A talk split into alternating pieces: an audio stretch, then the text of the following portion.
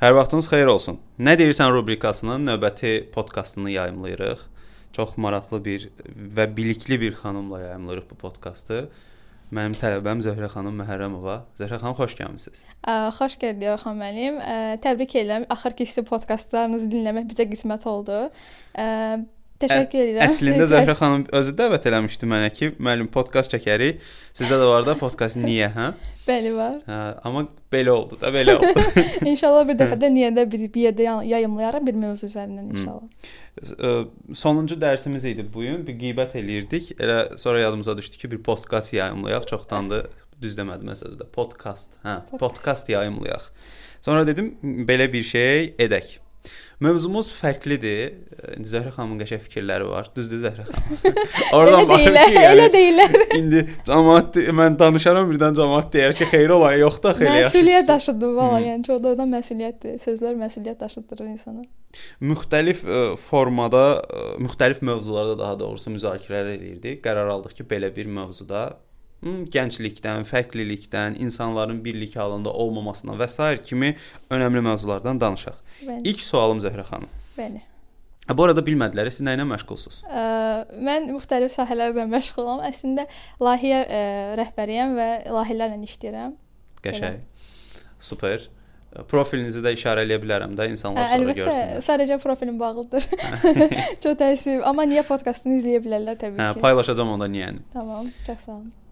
Deməli, ilk sualım belədir. Hı -hı. Azərbaycan cəmiyyətində insan davranışları ilə bağlı Zöhrəni narahat eləyən şeylər nələrdir? Ə, əslində sual çox yaxşı sualdır. Məni narahat edən şeylər bəzən məndə ə, mənim özümlə barışmadığım şeylər də olur, amma bəzən də həqiqətən də o cızığından çıxma məsələsi də olur. Ə, insanlar çox ə, göstəriş belində xəstəsi olduğu üçün bu ruhsal xəstəlikdir təbii ki və nisbətən o məndə qıcıq yaradır. Nə mənada? Məsələn, baxıram insanlara, yazığım gəlir bir yandan da ki, insan nələr çəkir də içindəki və bunu göstərməyə çalışır. Bu həqiqətən məni biraz incidir. Həm də həm incidir, həm də ki belə qıcıqlandırır sözün həqiqi mənasında. Amma ə, bir yandan da bəzən insanlara qıcıq olduğum zaman özümə sual verirəm. Niyə qıcıq oldum? Bu insan səndə niyə qıcıq yaratdı? Bəzən özümün də özümdə də problemlər olduğunu düşünürəm və onun ə, qıcıq yaratma ə, səbəbi meyarı olduğunu düşünürəm. Amma ə, yenə də deyirəm, ə, az öncə danışmışdıq biz, ə, birliyin, biraz birliyin olmaması ə, və hər kəsin ə, müəyyən qədər havada olması, ə, dəyər bizim dəyər anlayışımızın aşağı nisbətən daha çox aşağı düşməsi. Çünki cəmiyyətə baxdığımız zaman dəyər çox aşağıdır. Məsələn, ə, sizin siz izləyən sayıları 1 milyon da ola bilər, amma 1 milyon kimi izləyirlər? Belə baxanda çox mənasız da insanlar izləyirlər. Vaynerləri. Bəli. O gündən hətta bununla bağlı biri yazıb ki, Orxan bəy axır zamanlar öz tərzinizə uyğun postlar paylaşmırsınız. Mən də baxdım ki, ə, ümumiyyətlə öz tərzimə uyğun postların heç birisini bəyənməyib, rəy yazmayıb. Ön sual verdim ki, nə zamansa belə bir şey eləmisiniz? Yazıb ki, yox, eləməmişəm. Deyirəm, əgər eləməmisənsə mən ə, niyə neqativ olan kimi bəyənmədiyim bir şeydə yüklənirsən üzərimə? Eynən. Əslində bu da sosial davranış pozuntusudur. İnsanlar səni etiketləyirlər və sən öz həyat tərzini göstərə bilmirsən məsələ budur. Ondan sonra yazdı sizə məsləhət görürəm, belə eləyəsiz, belə eləyəsiz və s. və s. Yəni insanların gözündə Orxan biraz güləndə, biraz gülüb danışanda bir videolar çəkəndə ə, Viner və yaxud TikToker obrazında olur. Hətta birdən yazdılar ki, müəllim də oldu TikToker. şey məsələsi gözlənti nədir axı? Onu hmm. kim yaradıb onların gözündə? Məsələn, ə, Orxan bəy hər dəfə ə, köynəkdə çıxıb bir şey danışası deyir ki, hər dəfə müəyyən mövzu hə. toxuna bilər də. Yəni niyə də yox? E, insan davranışlarında belə bir məsələ var. İnsanlar səni etiketləyərək müəyyən gözlənti qəliblərinə salırlar Hı -hı. və sən onun gözləntinə uyğun gəldiyin zaman çox vaxt e, sənə rəy bildirmirlər, kənardan izləyirlər. Amma gözləntilərindən kənara çıxdığın anda səni linçləməyə və e, təhqir eləməyə, tənqid eləməyə və s. və s. yüklənməyə başlayırlar. Hansı ki e, görmək istəmirlər. İnsan beynində bir etiket var. Necə ki mentalitet necə bizə yük müəyyən şeylərdə yük olmur ki, qadınsan belə olmalısan, kişisən belə olmalısan. Hı -hı. O da təxminən belə bir şeydir. Beyin etiketləyir və sən ona uyğun da davranmalısan. Davranmasan sıxıntılı adamsan artıq və bir növ bu insanın özündə də bir məcburiyyət, məsuliyyət, məsuliyyət yox, amma məcburiyyət yarada bilir. E, bir, bir yerdən sonra sıxıcı olur. Məsələn, mən sizdən gözləməzdim. Məsələn, yaraşdırmıram. Bu kimi ifadələr ortaya çıxır. Axı niyə mənə yaraşdırmayasan? Yəni ki, siz dediniz bizim ilk dərslərdə həmişə bu arada Orxan bəyin dərslərində həqiqətən tövsiyə edirəm. mən sonuncu dərsimdir deyə demirəm. Bu dərsə qədər çox şey öyrənmişəm. E, hər dəfə müəyyən şeylər artıq açılışmağa başlayır. Təqdimat, adi mənim danışığımdan tutmuş. Mən əslində bu sizin təlimlərə bu arada deyim ki, podkastıma görə gəlmişdim ki, podkastımı irəlilədim. Oradakı nitqim daha aydın Daha olsun. yaxşı olsun, hə. Ə, təqdimatlarım daha yaxşı olsun. Daha sonra isə İndi başa düşdüm ki, əslində daha podkastdan daha öncə gəlməli idim ki, daha uğurlu podkast eləyim. Yəni ümid edirəm ki, bundan sonra podkastlarım daha uğurlu olacaq. Və şey var, məsələn, yaraşdırmıram, ya nəsə belə bir ifadələr var bizdə. Həqiqətən bu üzücü ifadələrdir. E, bir də ki, e, linçləyən e, və təhqir və tənqid məsələsi var. Və məsələn, tənqidlə təhqirin arasında belə, belə çox nazik bir çi- çizgi var və insanlar bəzən təhqir edir, elə bir tənqid eləyirlər də. Yəni amma xəbərlər yoxdur ki, təhqir eləyirlər. E, birincisi sən deyə müraciət edirlər. Bunun özü belə biraz təhqir kimi bir şeydir. Tanımadığın insana niyə sən deyəsən? Və onun üzərindən də öz fikirlərini irəli sürürlər. Halbuki belə baxanda bir ortaq bir mənada ifadə eləmir onların fikirləri ki, sizə siz onu nəsə götürəsiniz də və hər dəfə də neqativ olur. Niyəsə heç bir adam pozitiv bir şey görəndə pozitiv fikir bildirmək istəmirlər, amma neqativ görəndə hamı deyir ki, bunlar da bu da getdi, nə bilim, yaraşdırmadım, gözləmirdim, belə-belə şeylər. Amma neqativ pozitivə gələndə heç o pozitiv bir dənə rəy yoxdur. Mən baxıram da hər kəsə. Amma adi bir mənasız bir yenə insan paylaşsa, hamı gözündə ürəklər, nə bilim nələr, hansısa bir emojilər falan göndərir və baxıram ki, yəni cəmiyyətin seçdiyi adamlar bunlar da, yəni bundan o tərəfi deyil. Eynən Ə, və seçdiyi insana da uyğun davranmağa daha çox meylli olur Eynən. ə, və linçləyir. Əslində insanlar söyüş psixologiyası ilə bağlı araşdırma aparıram. Bununla bağlı bir dənə podkast düşünürəm. Aa, maraqlı. Ə, İnsanlar söyməkdən həzz alırlar. Həqiqətən həzz alırlar.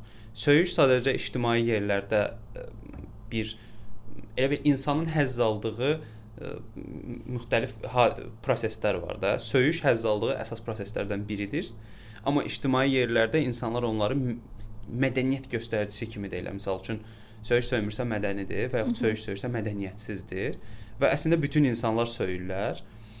Bu hal belə baş verir. Çünki biz o an üçün özümüzü rahatlaşdıracaq ifadələrdən istifadə etməliyik. Söyüş bizim hisslərimizi ifadə etdiyinə görə mən rahatlaşmış oluram əslində.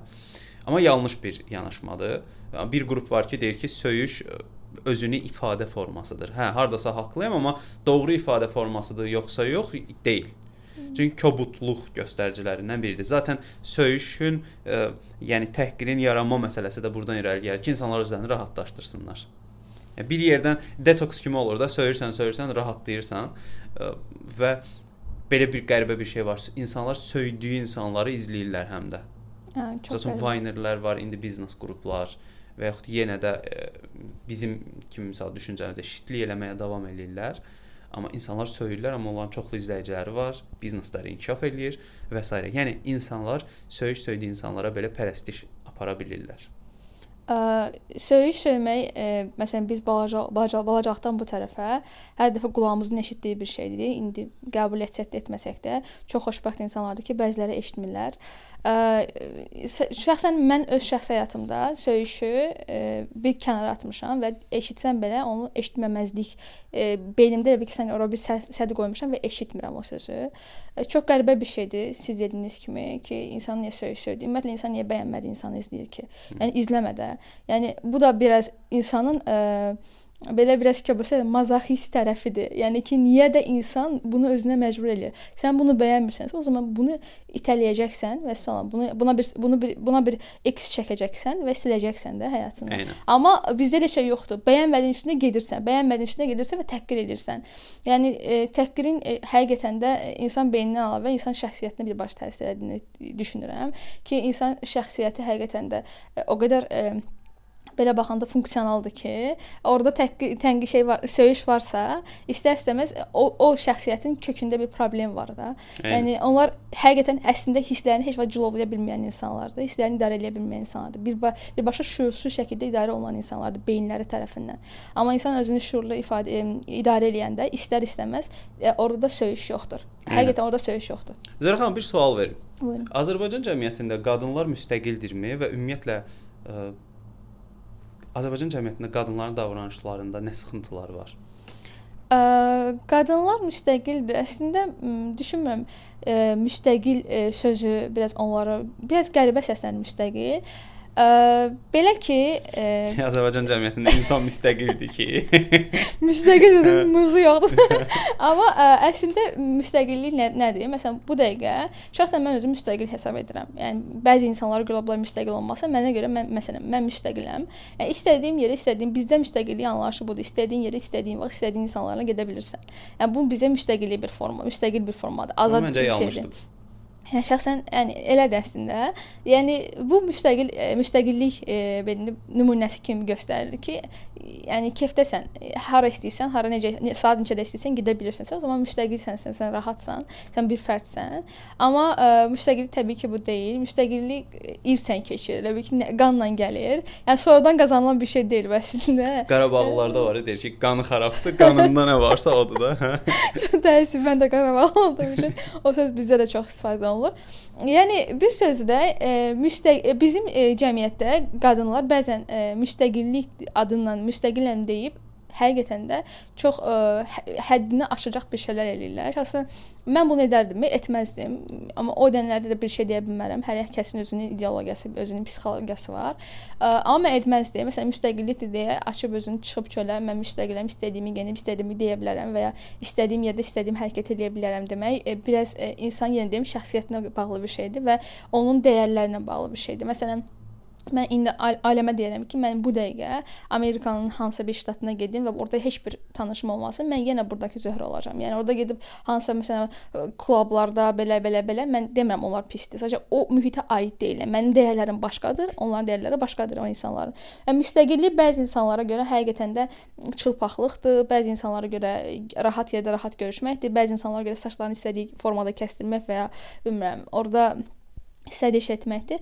Qadınlara gəlincə isə ə, mən deməzdim. Qadınlar əslində hər zaman müstəqil olublar. Ə, yəni ta əvvəldən bu tərəfə gələndə ə, arada bir bizim ə, mən mən inan- inanıram ki, bizim nəsillərdə biraz sıxıntılar yaranıb qadının ə, fikirlərinə da, doğru.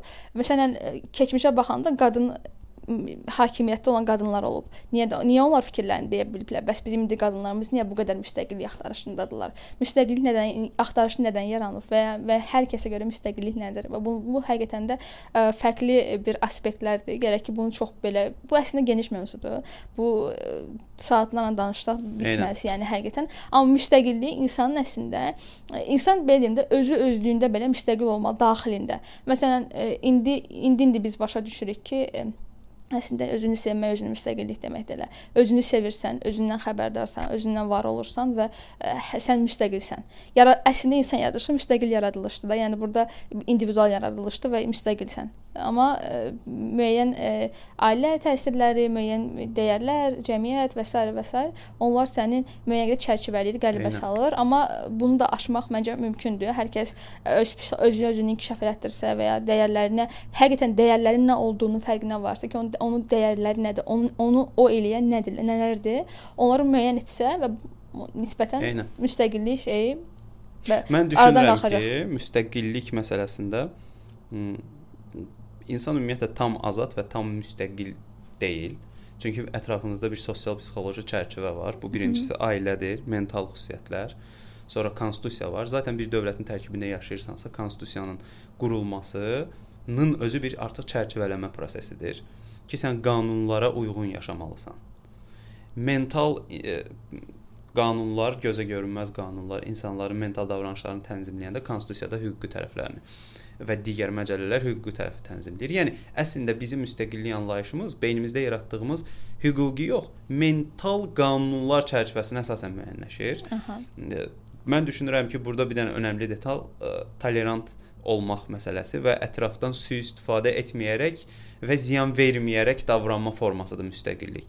Ə, məsələn, biri namaz qılırsa, biri ateistdirsə, hər ikisi bir-birinə hörmət eləməlidir. Belə bir şey. Yəni biri misal üçün həyat qadınınsa, eskort fəaliyyəti ilə məşğul olursa, okey, eləsin.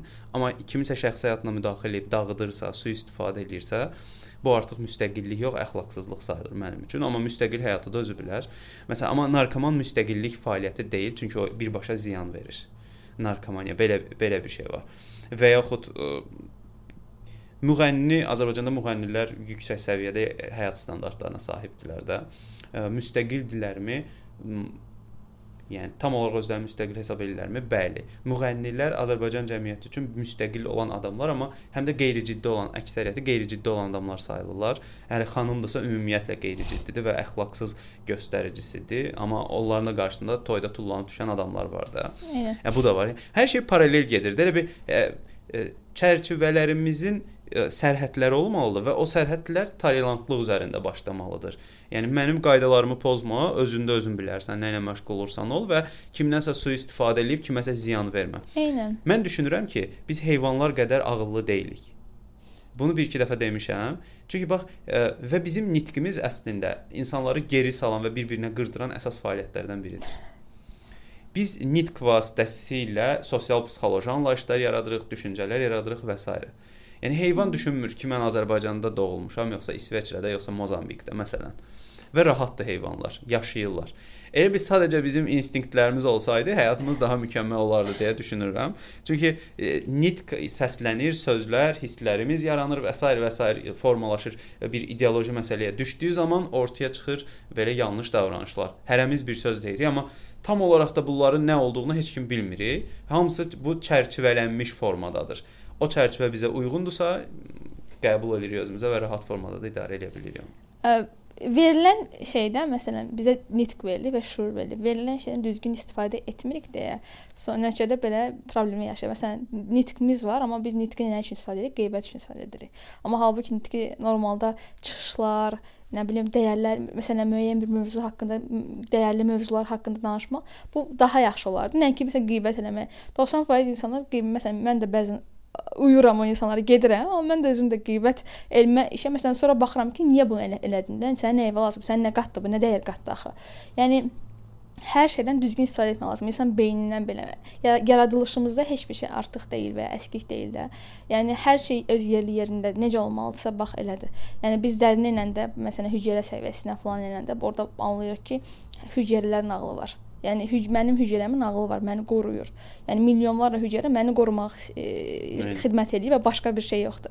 Yəni ondan belə onlar düzgün istifadə edirlər. Biz onlardan düzgün istifadə edirik? Yox, biz orqanizmimizə mənfi şeylər daxil edirik və onların fəaliyyətlərini e, məhdudlaşdırırıq. Mə həqiqə həqiqətən məhdudlaşdırırıq. Onlar bizdən tərəvəz, bol vitamin tələb etdiyi harda biz onlara fast food daxil edirik, kola içirik və spirtli içkilər daxil edirik və bundan sonra isə qazlı içkilər və baxırsan ki, orqanizm çöküb və bir, bir yaşdan sonra hamı deyir ki, məndə falan-falan xəstəliklər əmələ gəldi və sər və axır. Yəni hər şeydən düzgün istifadə əslində insanı mental və ə, e, həqiqətən mənəvi e, mənəvi olaraq sağlam saxlayar, saxlayar.